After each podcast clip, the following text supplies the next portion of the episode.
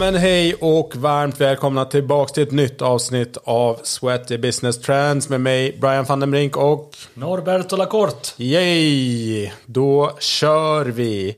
Eh, I det här avsnittet så kommer vi prata om nya affärsmodeller och vi gör det primärt utifrån ett eh, gymperspektiv och eh, influencers, kreatörer. De två delarna benar vi igenom i det här. Och vad vi har sett eh, finns på marknaden och eh, lite egna tankar och kommentarer kring det. Och kanske lite spaningar framåt, vad vi tror. Som alltid. Som alltid. Ja men härligt. Nya affärsmodeller då. Om vi tar gymperspektivet så kan man ju säga ja, covid stressade fram eh, en utveckling vare sig gymmen ville eller inte. Eh, vi fick ha gymmen öppna i Sverige. Det fick man inte internationellt sett. Så att eh, utgångsläget var ju tuffare för många andra. Men vi stod ju ändå här i Sverige med ett enormt tapp. Att folk inte i väldigt stor utsträckning inte vågade gå till gymmen överhuvudtaget. Så att eh, det var ju för många lika med en nedstängning. Ehm, så att ehm, de fick ju söka sig till digitala tjänster. Man kan säga att det blev väldigt ja, tagna på sängen, eller vad säger du? Gymmen? Jo, men det är det. Tittar man på den amerika eh, förlåt, europeiska marknaden så i snitt sex veckor stängde man. Eh, I Tyskland än idag, fortfarande har man restriktioner. Eh, Sverige stängde inte alls som sagt. Men det är klart att man blir tagen på sängen om man inte är förberedd mot en, för, för en sån här sak och det är svårt att förbereda sig mot. Men vissa har varit snabba. Mm. Eh, det som har varit eh, stora skillnaden tror jag att i Sverige har man haft extremt svårt att ta betalt för sina liksom, nytillkomna digitala tjänster. Däremot eh, har det varit lite lättare i andra länder som kanske har varit lite bättre förberedda.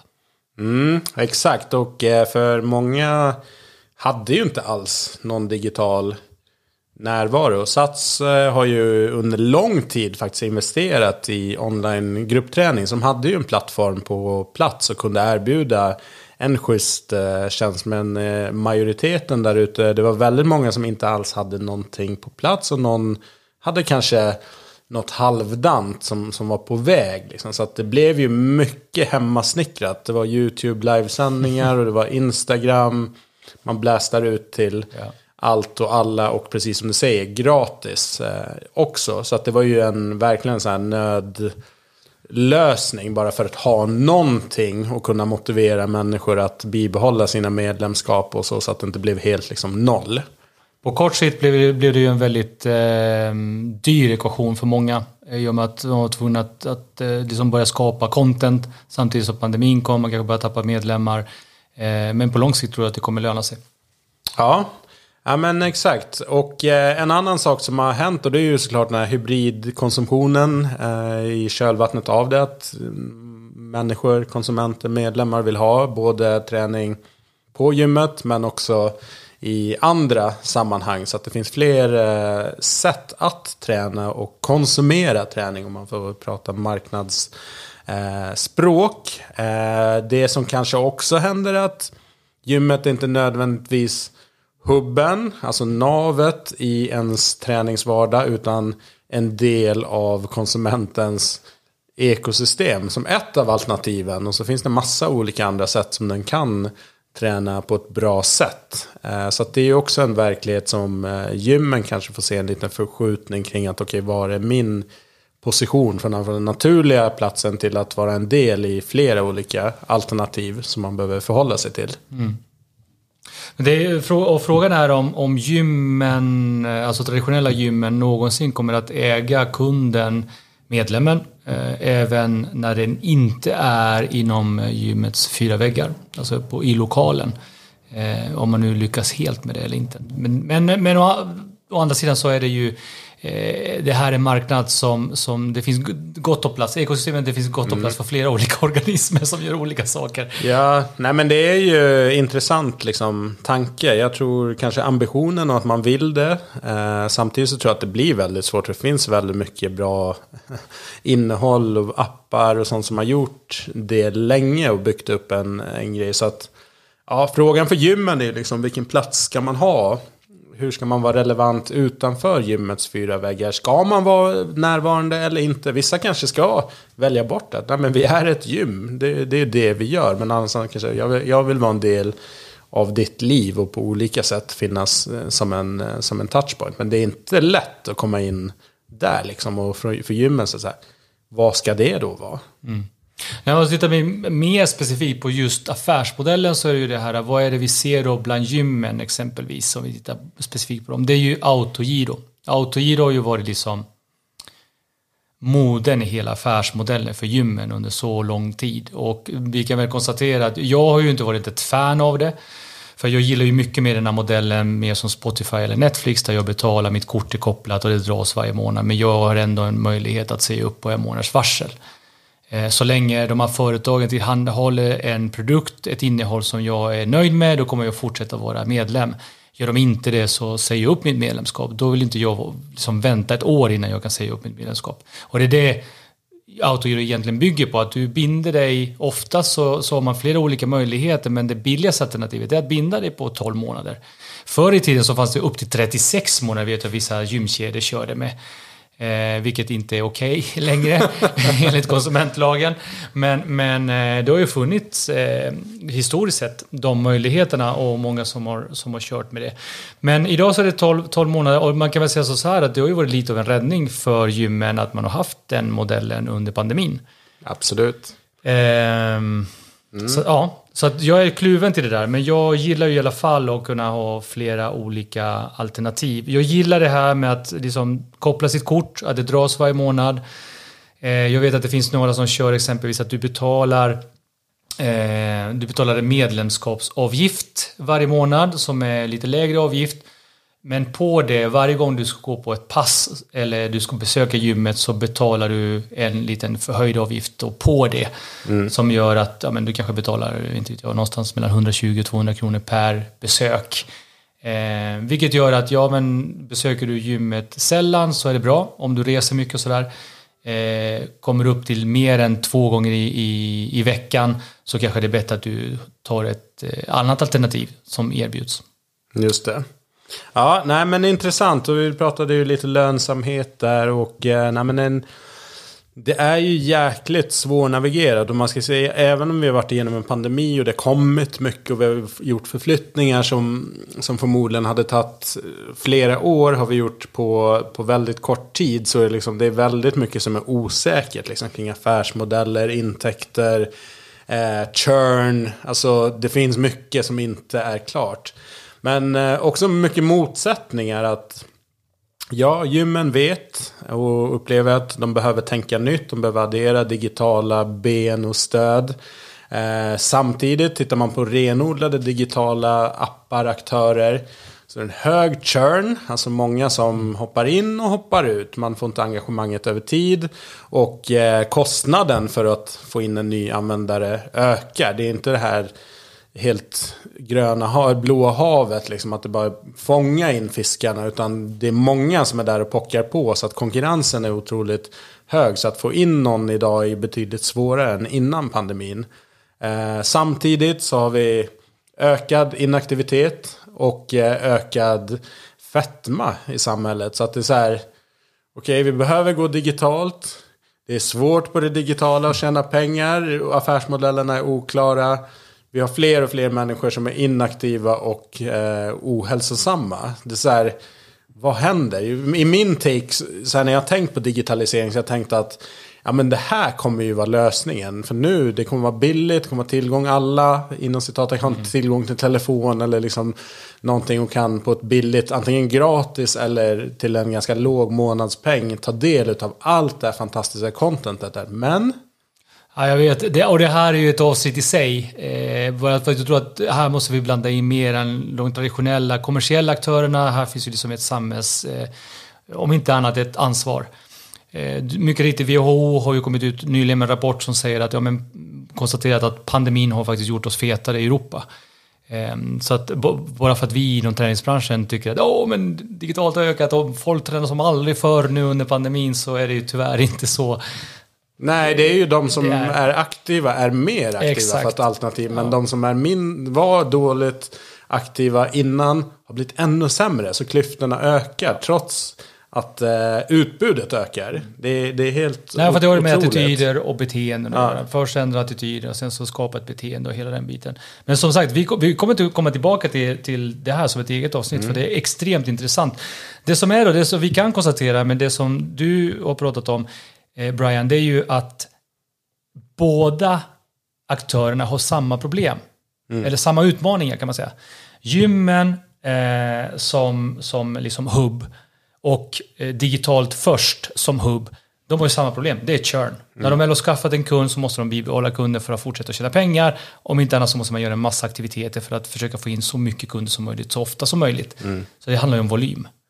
Vad det gäller affärsmodeller så är det så här också att vi får inte glömma bort en sak. Att bara för att Sats, ett miljardföretag med jättemånga anläggningar, kör en affärsmodell betyder inte att det kommer att vara applicerbart för ett ensamstående gym någonstans i Sverige. Utan där måste man tänka utifrån vad är det för verksamhet jag bedriver. För att till exempel en anläggning, eller förlåt, en, en gymoperatör som har en massa anläggningar det är kanske inte är så lönsamt att hålla på med kurser, alltså tidsbegränsade bootcamps och så vidare, för att de måste komma upp i sådana sjuka volymer för att det överhuvudtaget ska vara lönsamt. Men däremot har man tre anläggningar, två eller en anläggning och kör ofta kurser och sådär så kan det bli en jäkligt bra lönsamhet på grund av att marginalerna är höga. Så att det måste man ju ta med sig. Driver man affärsverksamhet så måste man tänka på att vad är det som passar mig allra bäst för den verksamheten jag bedriver och inte stirra sig så jäkla mycket blind på vad andra gör för att det kanske inte passar in överhuvudtaget. Nej, nej, men det är verkligen eh, tid att eh, se över vad har vi för målgrupp eller vilken målgrupp vill vi ha. Jag fick in en kommentar också på ett tidigare trendavsnitt just att ja, men när, kommer, vi- när kommer vi våga välja bort kunder? För att nu är det fortfarande, även om inte alla säger det, så är det så här träning för alla. Det är ju liksom den devis. Alla är välkomna. Ja men det är självklart att de är det. Ni tackar ju inte nej. Men kanske ändå så här, okej men vi skapar en tjänstprodukt, upplevelse som är för den här. Sen om det kommer någon annan från sidan som egentligen, den får jättegärna komma in här, men, men vi har det här spåret. Liksom. Det, det är det här som är vi, det är det här som är vårt koncept. Och vi kommer inte ändra det för att det kommer in åsikter från sidan. Eh, så att, ja, men det är en intressant eh, take. Och lite mer så här bakgrund innan vi går in på eh, vilka affärsmodeller eller nya, nya tilltag vi ser. Så, så här, McKinsey släpper ju en årlig rapport om fitnessmarknaden. Och, eh, som är omfattande men intressant då. 70% av de som tränar online slash digitalt tänker fortsätta med det eller öka sin digitala träning efter pandemin. Så att det är uppenbarligen ett beteende som är här för att stanna, det kan vi konstatera.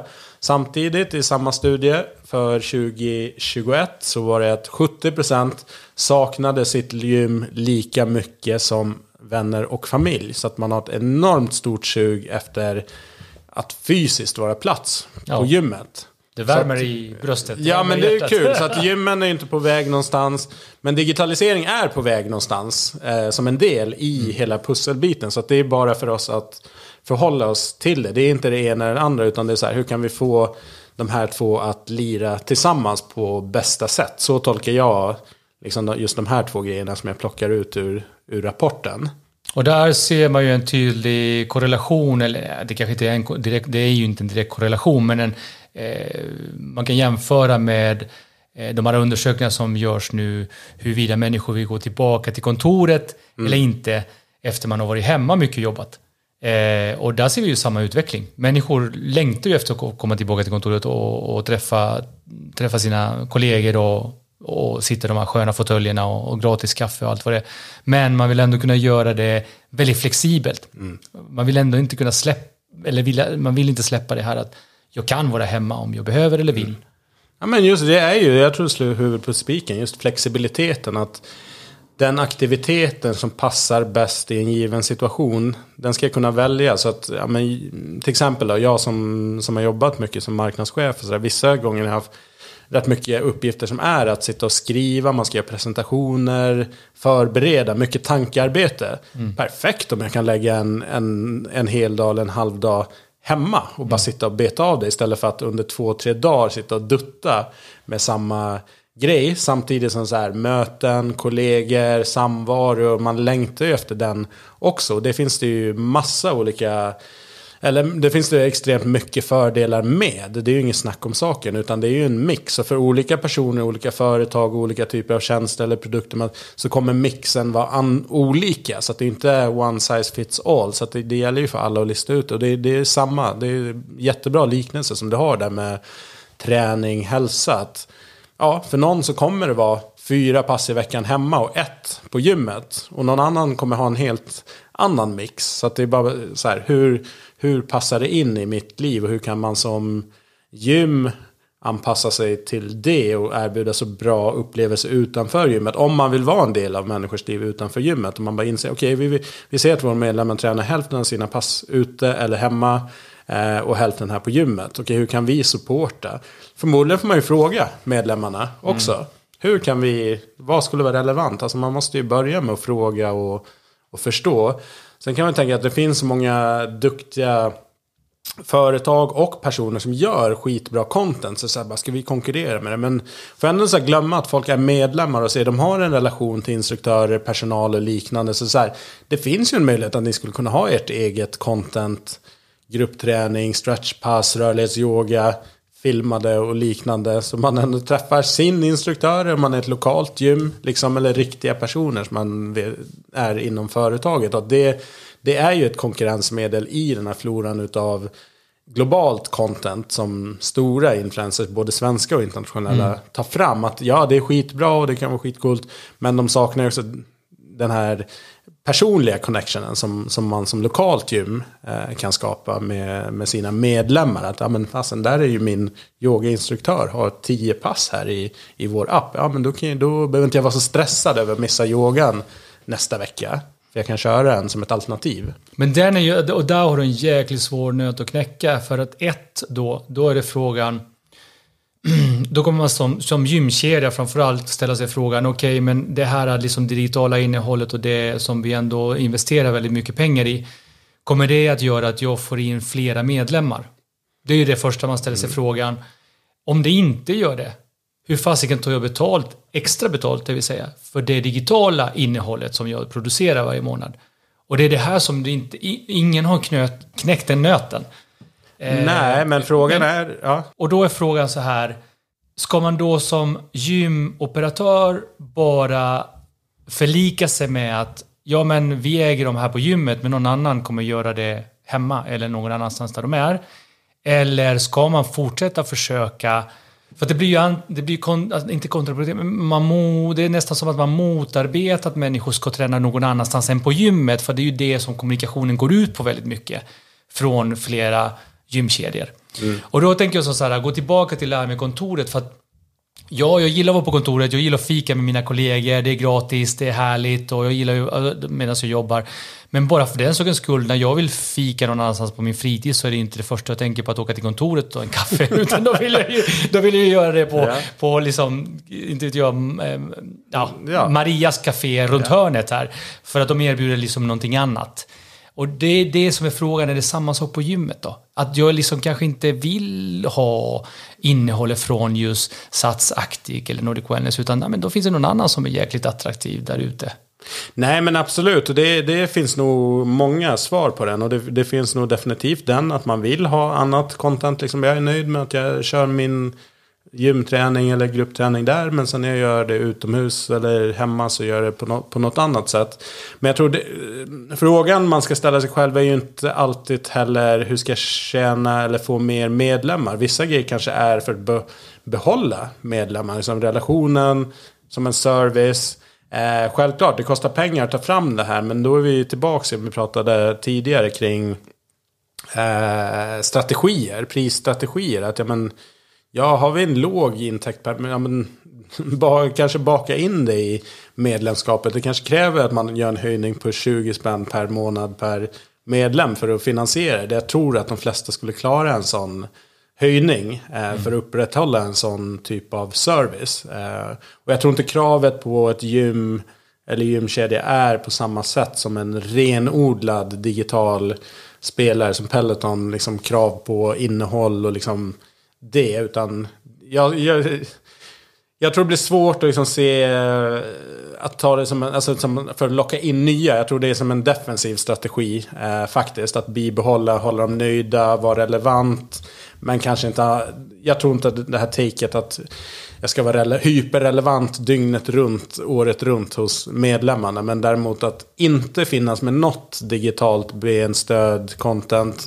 Den vet jag inte riktigt om, om jag tycker är en bra strategi i sånt fall. Men finns det möjlighet att på, i, eller i större utsträckning kanske samarbeta med aktörer? Alltså jag en gymkedja, driver jag gym, så, så samarbeta med de som är jäkligt duktiga på digitalt innehåll. För där, där har inte jag sett liksom någon sån här klockren samarbete. Jag menar, vi har Tweak, men även etablerade aktörer som traditionellt sett eh, bara har funnits på gymmen, till exempel Les Mills. Att ha liksom ett bredare, större samarbete utifrån det med, med de aktörerna. Liksom. Mm. Nej, jag, det, som sagt, det, det är inte early days samtidigt som det är early days. Så att jag tror att det kommer ge sig. Att man eh, på, på ett eller annat sätt så, så kommer liksom stöpas om. Samarbeten, why not? Um, men det är ju alltid utmaningen. Om du är ett starkt varumärke själv och så, okej, okay, har kompetensen inom träning då som ett gymföretag och så tar man in någon annan. Bara hur, hur samspelar de liksom? I termer av byta communities och liksom målgrupper klockrent. Men just så här, bara, men vem är kompetensen här liksom? Nej, jag, jag vet inte. Den är, den är jättesvår. Eh, Det är ju ingen som har lyckats liksom på det sättet. Än så länge så är det ju mer så här att man tar fram för att ha någonting och att ha ett digitalt erbjudande. Eh, så, mer som en, som en defensiv grej. Än så länge så tror jag inte att något gym i alla fall har lyckats liksom locka massorna till sig för att man har så fantastiskt digitalt innehåll. Det, och det vet jag inte riktigt om det kommer hända faktiskt. Nej. Nej. Förmodligen så kommer det att ske, i så fall om det sker, så kommer det att ske långsammare än vad vi kan tänka oss. Med tanke på andra traditionella eh, branscher som till exempel banker och så vidare. Det har ju tagit mycket längre tid än vad vi har trott. Att just liksom släppa de här traditionella bankerna för att gå över till mer digitala, flexibla eh, banker som erbjuder För det finns ju alternativ. Men ah, vi vill inte riktigt släppa de här Nej. trygga liksom, jättemaskinerna. Nej, så är det.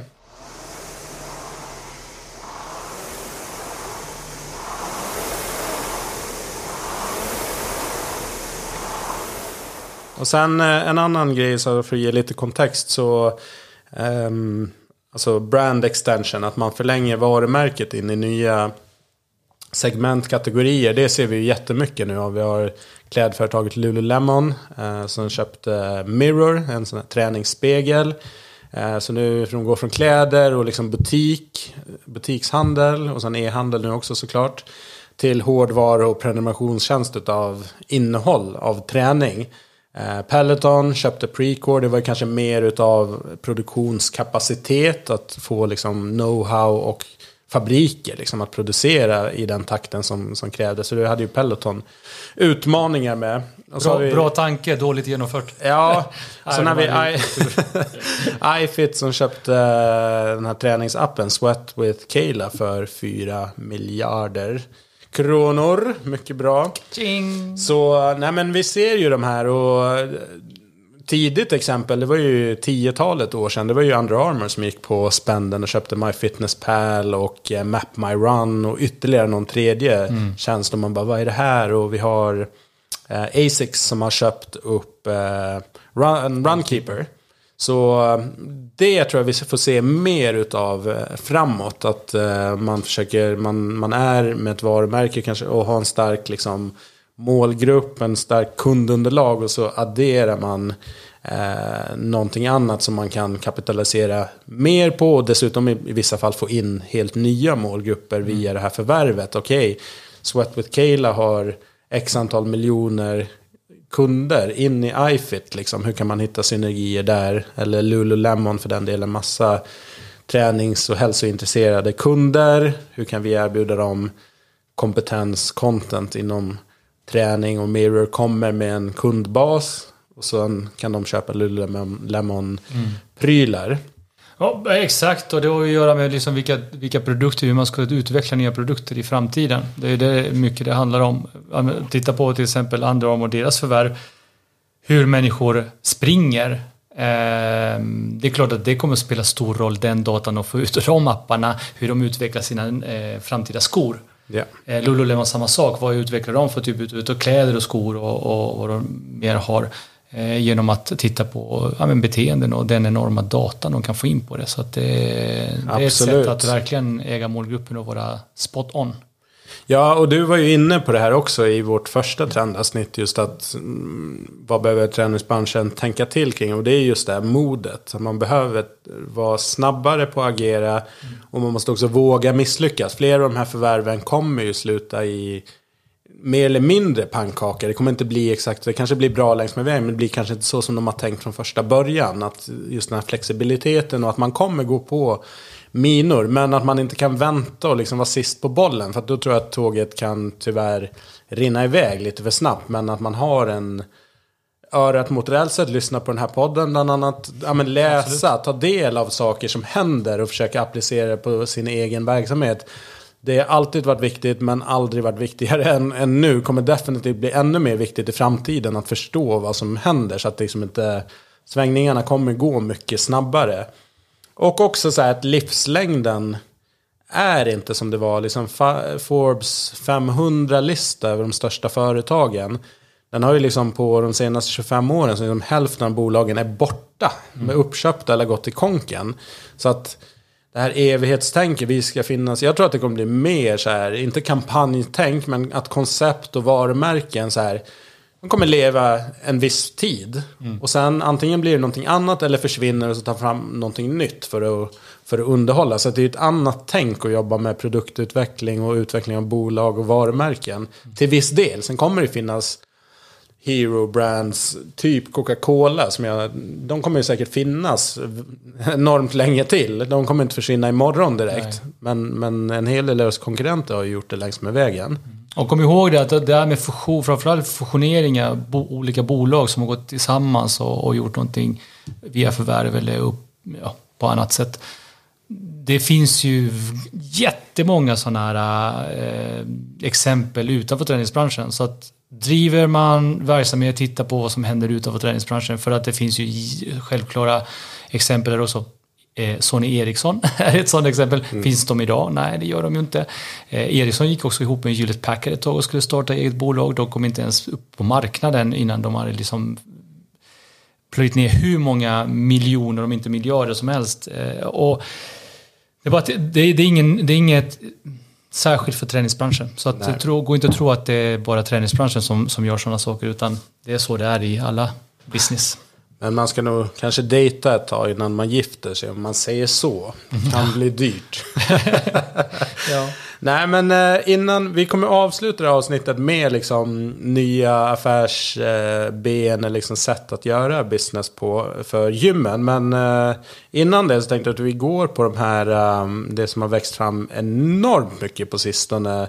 Såklart givet av sociala medier och digitala kanaler. Det är ju det här med man kallar digital first koncept. Mm. Och eh, det är ursprunget rätt mycket i så här individens brand, en influencer eller en träningskreatör som, som har ett stort följe som sen skapar ett, ett koncept eh, som den kan kapitalisera på typ digitala bootcamps och, och så. Vi har ju massa faktiskt svenska exempel på koncept 16 Weeks of Hell, Weekly Revolt, um, antal digitala bootcamps. Sen har vi liksom personer, Sandra Friberg som en stor gruppträningsprofil, eh, eh, Mandy Fit inom online coaching med Carola Ranmo inom online PT och, och, så. Och sen har vi Kayla internationellt och eh, The Body Coach Joe Wick som är jättestor i UK under pandemin körde schemalagda fyspass för familjen. Jag tror 15 minuters pass på morgonen. Schemalagt.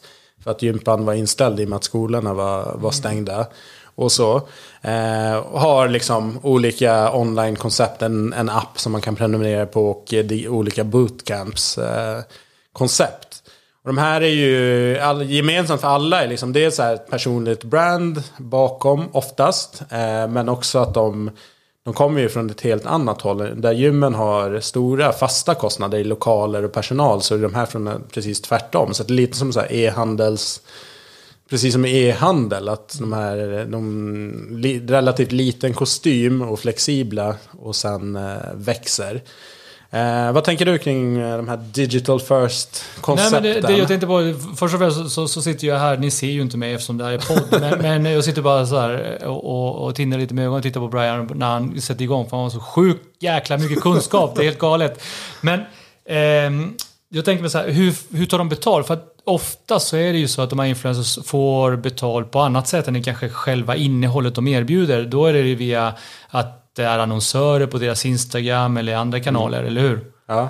ja, men de är eh. både och många av de här. De okay. är så stora influencers själva, så de har betalda samarbeten. Mm. Men också liksom antingen online PT-coaching via mm. någon app eller ja, men olika bootcamps som man signar upp på. Mm. Och så följer man. Det som är intressant är att det är ju inte bara fitness-influencers. Nu är det liksom mer livsstilsinfluencers. Typ Katrin Zytomierska, Bingo Rimér har nu i pågående här sen sommarforms bootcamp. Som ska, förmodligen någon... Jag ska genast joina. Ja, ja men som någon har pro programmerat eh, och så. Och sen ett kostupplägg som är generiskt. Men det är så här.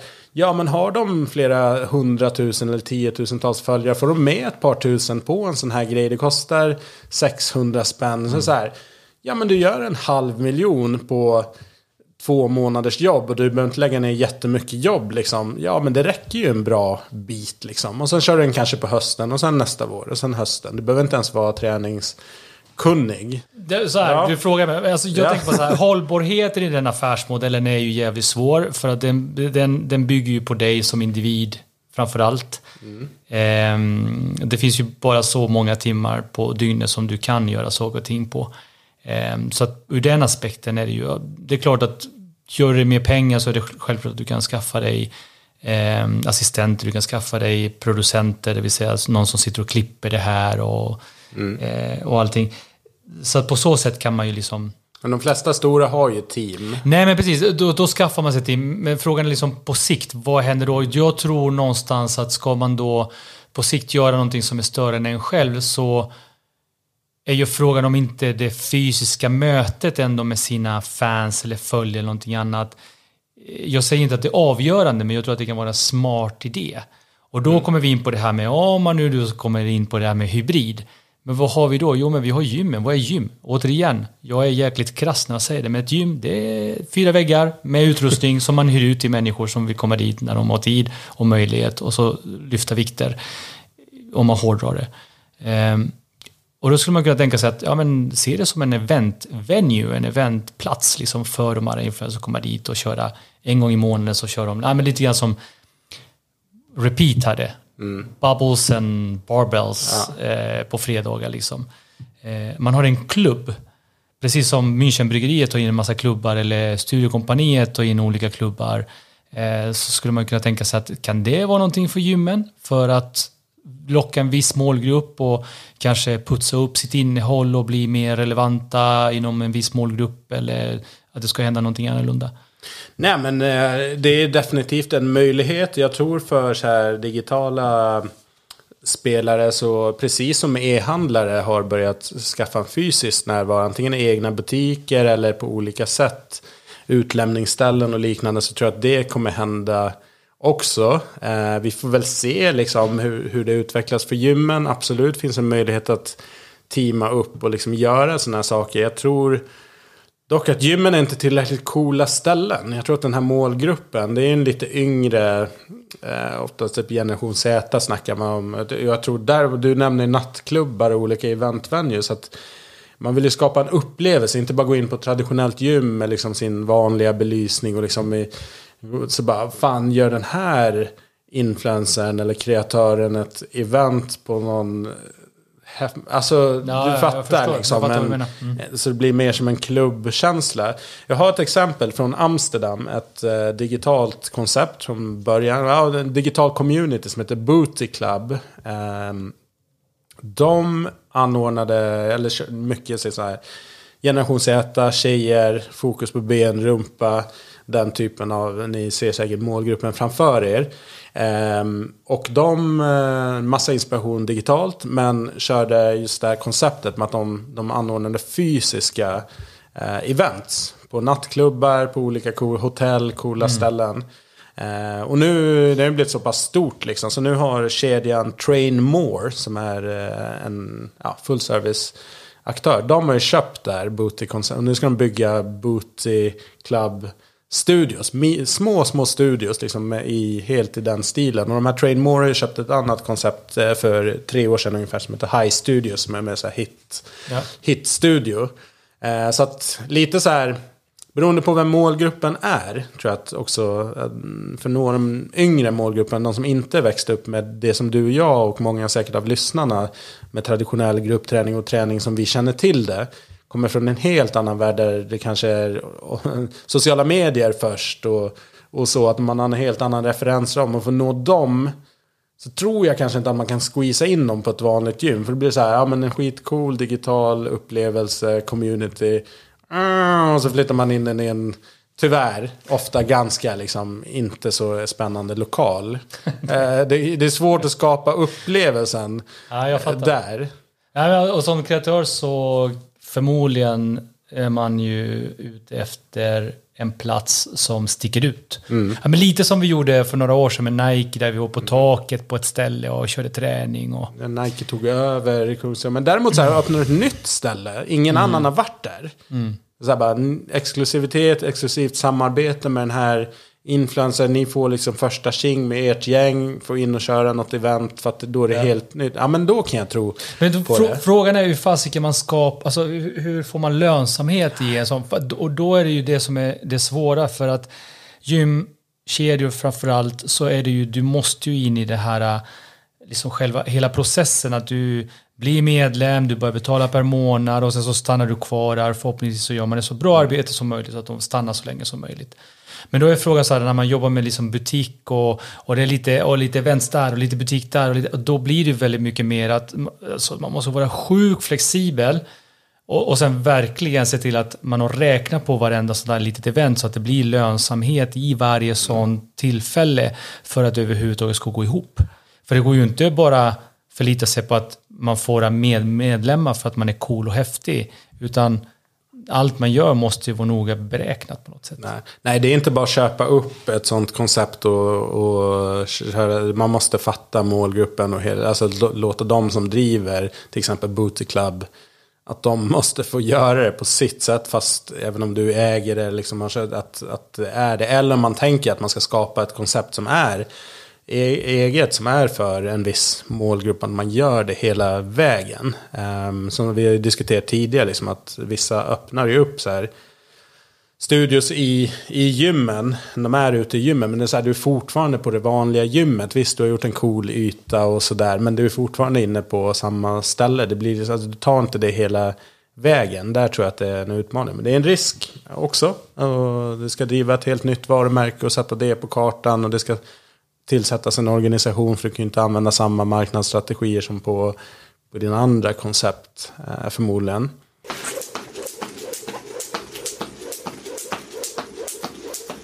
Ja, nej men det, det är spännande. Så vi får väl se vad som, eh, vad som händer där. Men eh, apropå hållbarhet då, i de här koncepten så tror jag så här Kommer du inte upp i en jättevolym, ja men då blir hållbarheten en, en, ett problem. Men det som händer med de här stora influencersarna och eh, alltså vissa svenskar som jag har nämnt och eh, om det definitivt kommer upp på liksom Joe Wicks och Kayla, men de tjänar miljonbelopp i månaden. Så att det är så här, de skulle kunna göra det där ett par år och sen lägga sig på en sandstrand. förmodligen kommer de inte göra det för då kommer de gå vidare på nästa ja, absolut. grej. Idag är det ju helt annat. Jag menar, jag tänker på så här, okej, okay, vad, men vad har hänt inom branschen om vi går historiskt? Tony Little, kommer du ihåg Tony Little? Mm.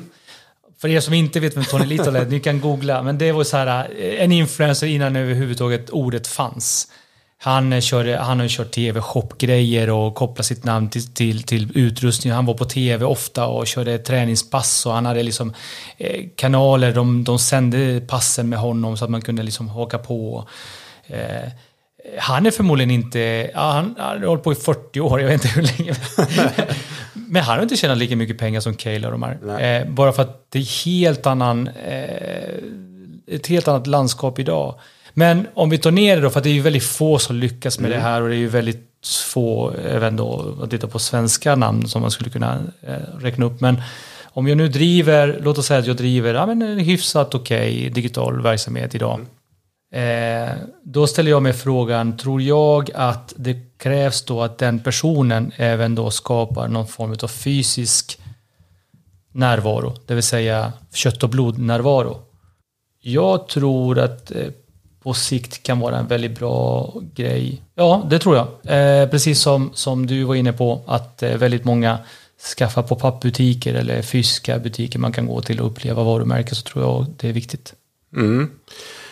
Nej men eh, ja, vi får se. Vissa kommer nog köra en hybrid och vissa kommer fortsätta digitalt. Men, och det är lätt såklart att ta upp så mega exempel. Men om jag tar typ 16 Weeks of Hell. De gör ju ändå liksom på sista raden ett par miljoner. En sju, åtta miljoner per år. Så att det är så här, förmodligen, jag tror att han Tony som har det, att han är 100% ägare i det. Så att det finns ju koncept, Weekly Revolt vet jag, nu har inte det senaste siffror, men det är ju redan där också miljonvinster. Och många av de här, eller många, men de här exemplen som jag tar upp eh, gör ju mer pengar än vad de flesta gymmen gör ja. över flera år. Och då är det bara digitalt?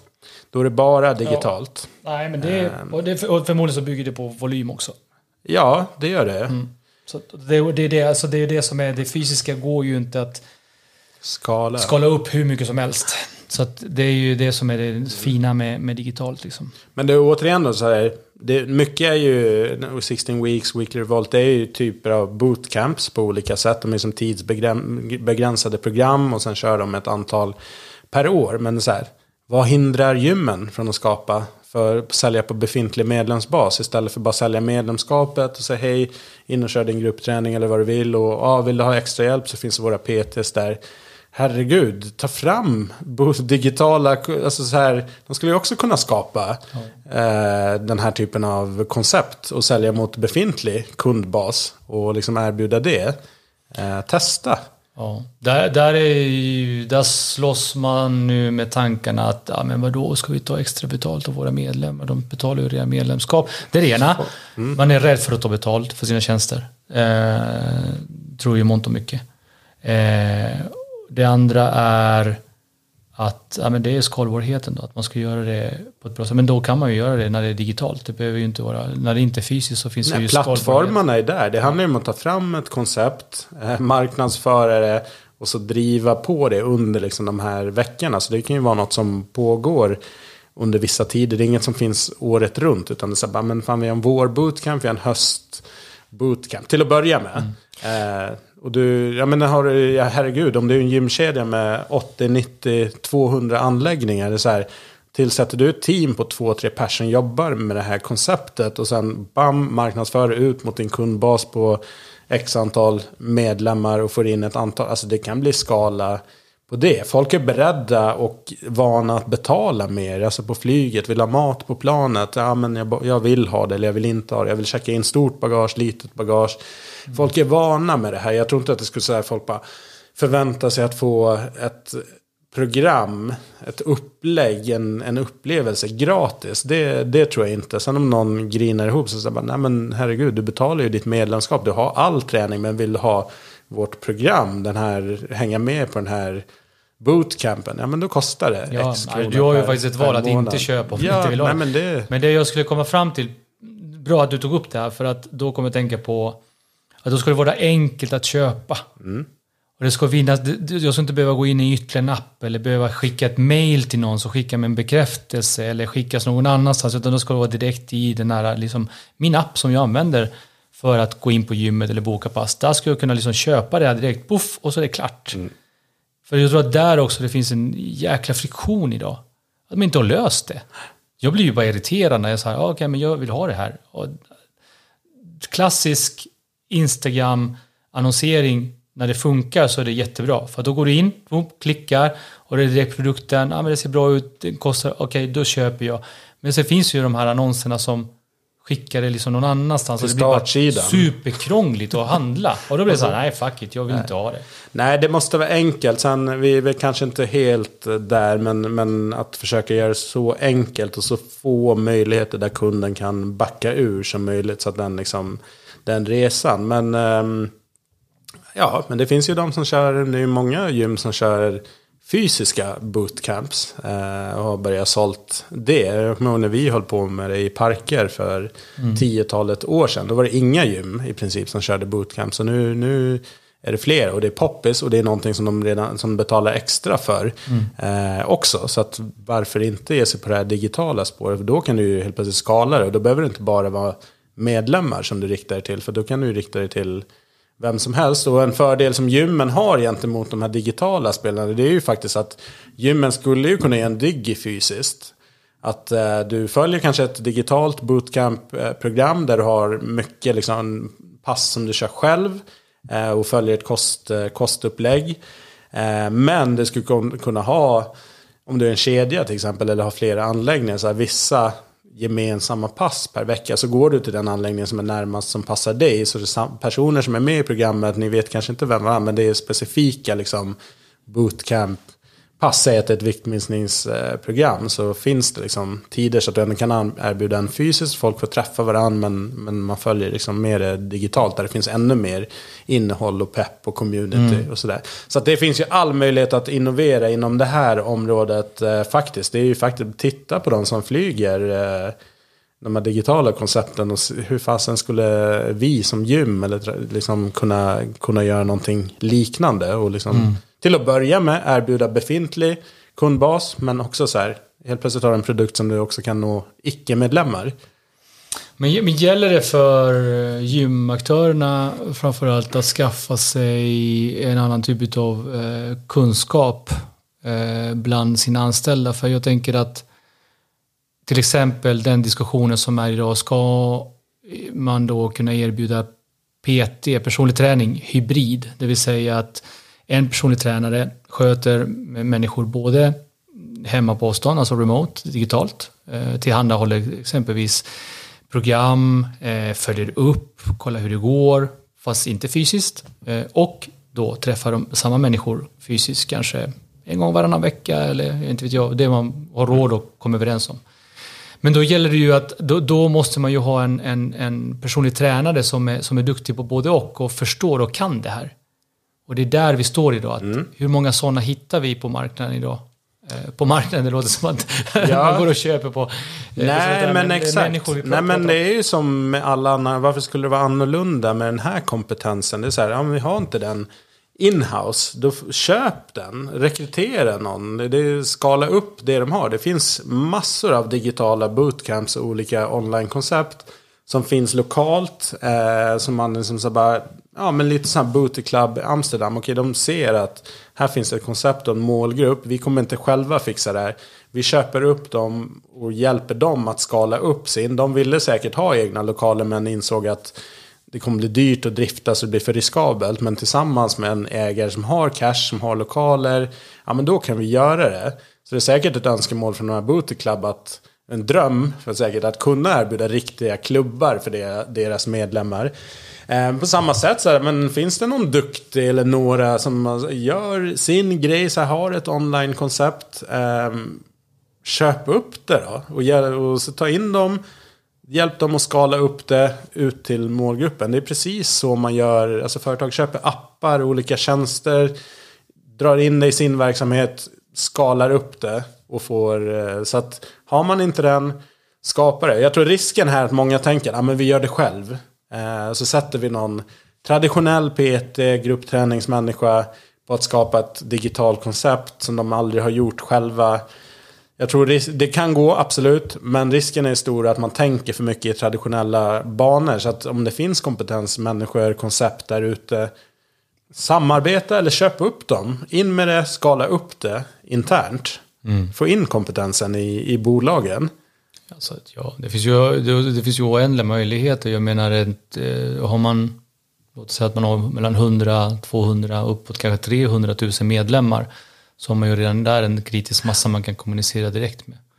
Gör någon, om man inte pengar upfront, gör en deal där man splittar på intäkterna utifrån det här. Liksom, och misslyckas projektet, ja men då tar man bort det. Liksom. Men, men tror du då att vi kommer att se flera sådana eh, samarbeten eller förvärv där gymkedjor kommer att köpa upp redan etablerade digitala förstaktörer inom träning? Kanske. Kom igen nu. Har du, vet du om något som jag nej, inte vet? Nej, jag vet ingenting i Sverige. Jag ser bara internationellt. Jag har det här exemplet. Ja, men internationellt. Ja, men internationellt. Ja, men jo, absolut. Absolut. 100 procent. Men tror du att vi kommer att följa samma utveckling i Sverige, nej, Norge, men Vi är ju Finland, segare där. Vi är ju mycket försiktigare. Uh, där. Så den, uh, det vet jag inte. Nej. Sen samtidigt så här, vissa av de här digitala som tjänar mycket pengar själva. Så för, för en del av dem så kanske det blir så här. Ah, what's in it for me? Du tappar min frihet. Jag får inte göra min grej och bli inlåst. Liksom. Så att de, det kanske är åt andra hållet också. Att man inte vill mm. bli uppköpt. Men som sagt, det behöver inte vara ett, ett projekt som som är superstort och framgångsrikt redan. Det kanske finns ett embryo där. Så här bara, men fasen den här personen gör det bra. Har ett par hundra varje år, varje vår som den kör.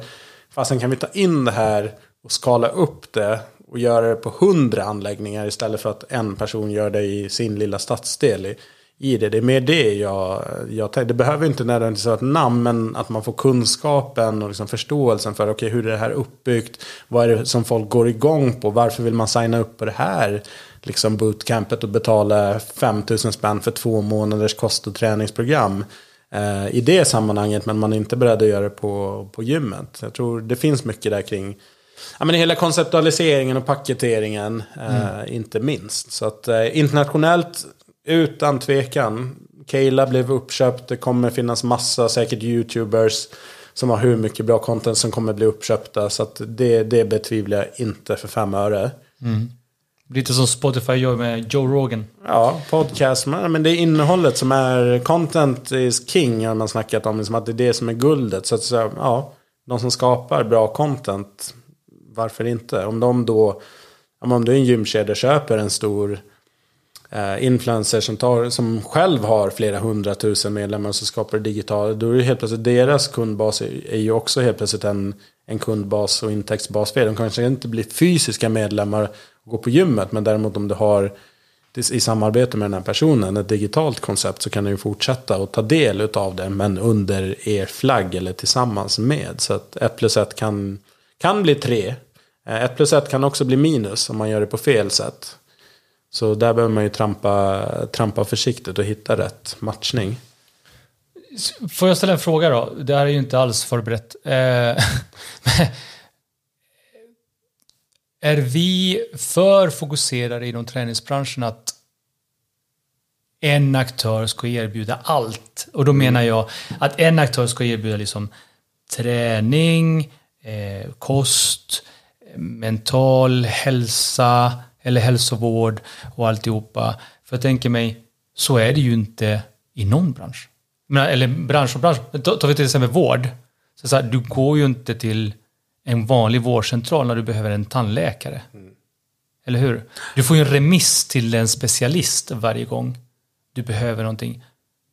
Då är det så här, är det därför vi har så jäkla svårt med det här att det är inte så att jag tänker i första hand att mitt gym ska tillhandahålla mig kostrekommendationer exempelvis. Mm. Trots att det är ju inom träning och hälsa. Alltså frågan egentligen är, är vi för fokuserade på det inom träningsbranschen att det ska vara, vi ska täcka in allt som har med hälsa att göra? Ledande fråga i och för sig. Ja, ja, både och. Nej, men jag, vi erbjuder ju inte allt. Eh, men, vi men, vill ju gärna mm, det. Det, men det, det är mycket ofta vi pratar här, om. Man försöker baka in allt i ett medlemskap och liksom sådär. Men jag tror eh, det är ju logiskt om du har en målgrupp. Att vad mer kan du erbjuda? Om vi tar Blocket som exempel, liksom en marknadsplats. Men de har också försäkring, de har eh, avtalsmallar, de har eh, finansieringssamarbetspartners. Mm, Sen är ju inte de är ju inte försäkringsbolaget. De är inte finansbolaget heller. Men de har ett samarbete, förmodligen en kickback. Eh, så att, men det är ju för att underlätta och förbättra ja, upplevelsen för de som mm. använder Blocket. Exakt, men det rimligt liksom, som gym att kunna erbjuda liksom, kosttjänster, PT-tjänster och annat. Men alla tjänster kanske inte behöver vara inhouse. Det kan ju vara ett samarbete med någon annan. Vi erbjuder bootcamps tillsammans med den här personen. Och liksom bla bla bla bla. I samarbete med oss liksom. Och så har man en split på intäkterna. Så att det kan absolut i många fall finnas issues med att ah, man förväntar, ja men jag vill inte ha den här känslan av mitt gym. Men är det tillsammans med någon annan som har trovärdigheten eller varumärket. Det kan ju vara ett annat företag eller en person. Då kan det funka eh, i det samarbetet.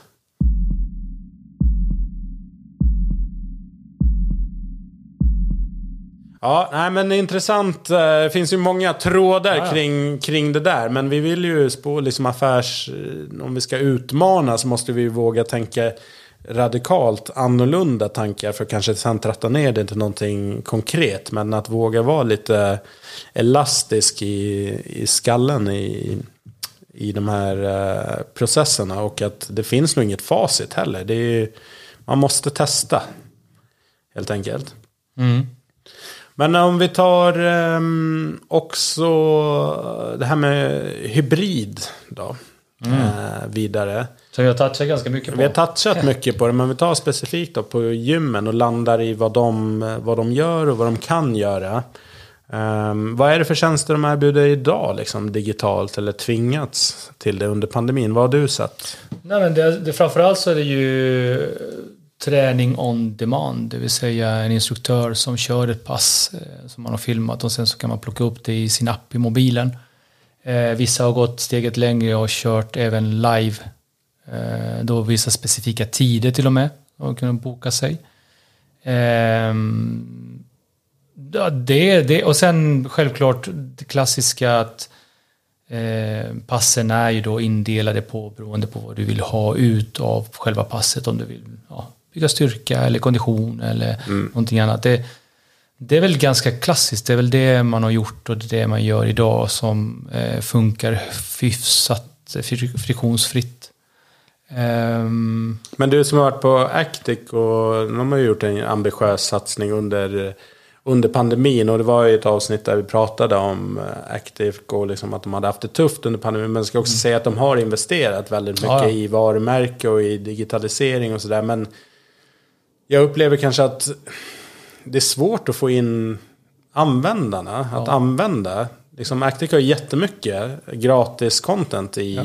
appen. Eh, men, men vad jag har hört eller förstått så är det liksom inte så att 80% av medlemmarna är där och, och tar del av det hela tiden. Absolut inte. Och det, det har ju dels att göra med att man kanske är för dålig på att tala om att, det, att innehållet finns. Det är det ena. Man måste bli bättre på att kommunicera ut att det här innehållet finns. Gå in här. Alltså att man ständigt liksom eh, påminner folk om att, om att det finns. Det är det ena. Ehm, det andra är ju för att vi som konsumenter, vårt beteende, vi är inte vana vid att ja, men om jag går in i den appen så så får jag kontot. Utan det första som ploppar upp i huvudet, om jag ska träna hemma, jag behöver hjälp av YouTube eller Google. Så mm. googlar man. Det blir ju inte naturligt att jag använder gymappen för att konsumera den typen av innehåll. Och därför måste vi liksom lära om och, och, och vara bättre på att tala om att det finns. För att det är som du säger, och det är ju inte unikt för Actic på något sätt, utan de flesta kedjorna där ute har jävligt bra innehåll. Mm. Alltså det är kvalitativt, på riktigt. Det här är alltså människor som, som lever på, och andas träning varje, varje dag. De kan träning. Mm. Um, så, att, så att innehållet är det inget fel på. Nej, nej, det är tufft. Så det är ju en utmaning där och liksom skrämmande. Man investerar i, i dels plattform men också att ta fram innehåll. Jag vet ju att Actic är frekventa, liksom kvartalsvis ja. eller liknande. Liksom in med nytt och liksom håller det uppdaterat. Så att det kan ju också bli så att man inte får upp användande så är det ju lätt hänt att man till slut stryper den där och liksom tar fram mindre eller liksom slutar att producera content. Så det är lite moment 22. Det som funkar, det som funkar bättre kan man väl säga det är ju när man gör en kampanj av det. Det vill säga att du skapar innehåll kanske med, tillsammans med en influencer eller en känd person eller påkända personer som har ett syfte inför exempelvis Vasaloppet eller att det är en tävling kopplat till det på något sätt. Mm. man gör det delvis också som en, som en marknadsaktivitet. Då funkar det väldigt, väldigt bra.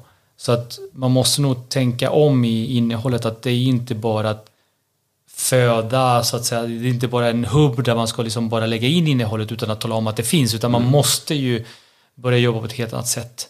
Att nu är det nytt innehåll, gå in och titta på det här och så vidare.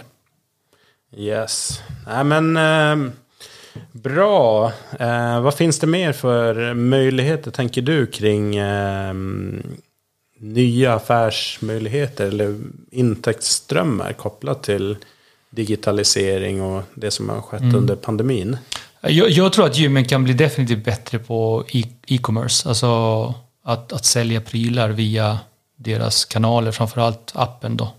Om jag säger appen bara för att det är det alla vill egentligen inom branschen komma fram till att man använder en app till allt.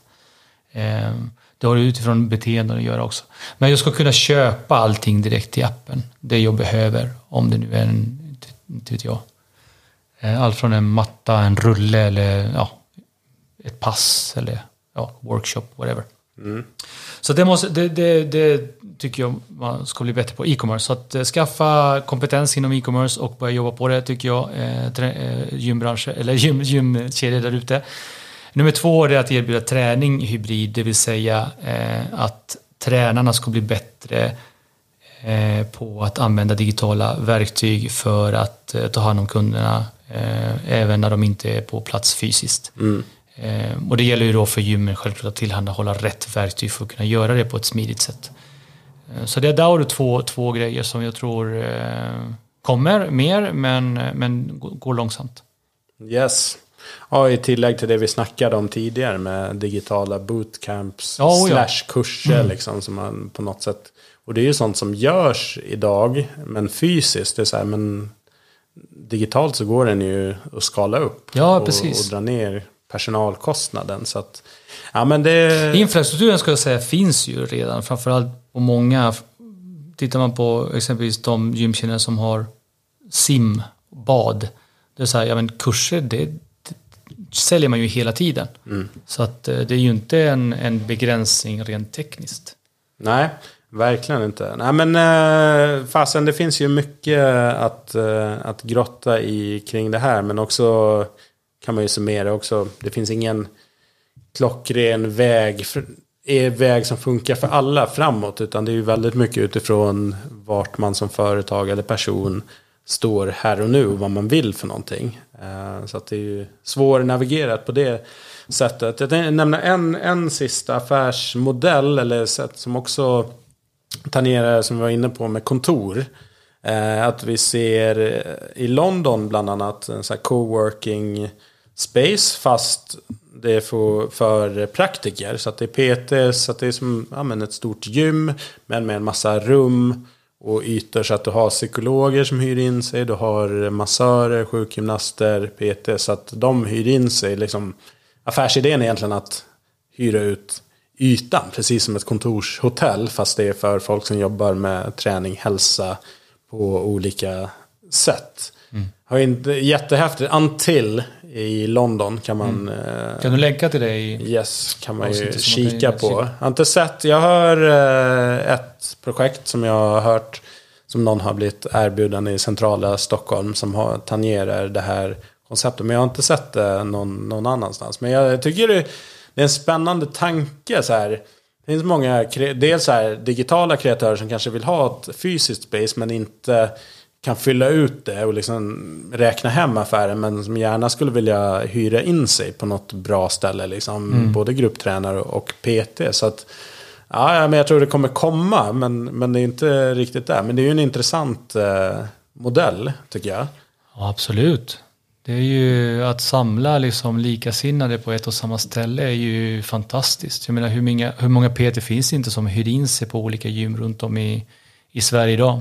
Framförallt i, i Stockholm där, där företeelsen är större än någon annanstans. Så att det tror jag. Ja. Absolut. Nej men eh, härligt, då wrappar vi upp det här avsnittet om nya affärsmodeller eh, för eh, ja, gymbranschen och hur vissa digitala koncept jobbar. Stort tack för att du Tack var själv. med. Grymt. Ses igen.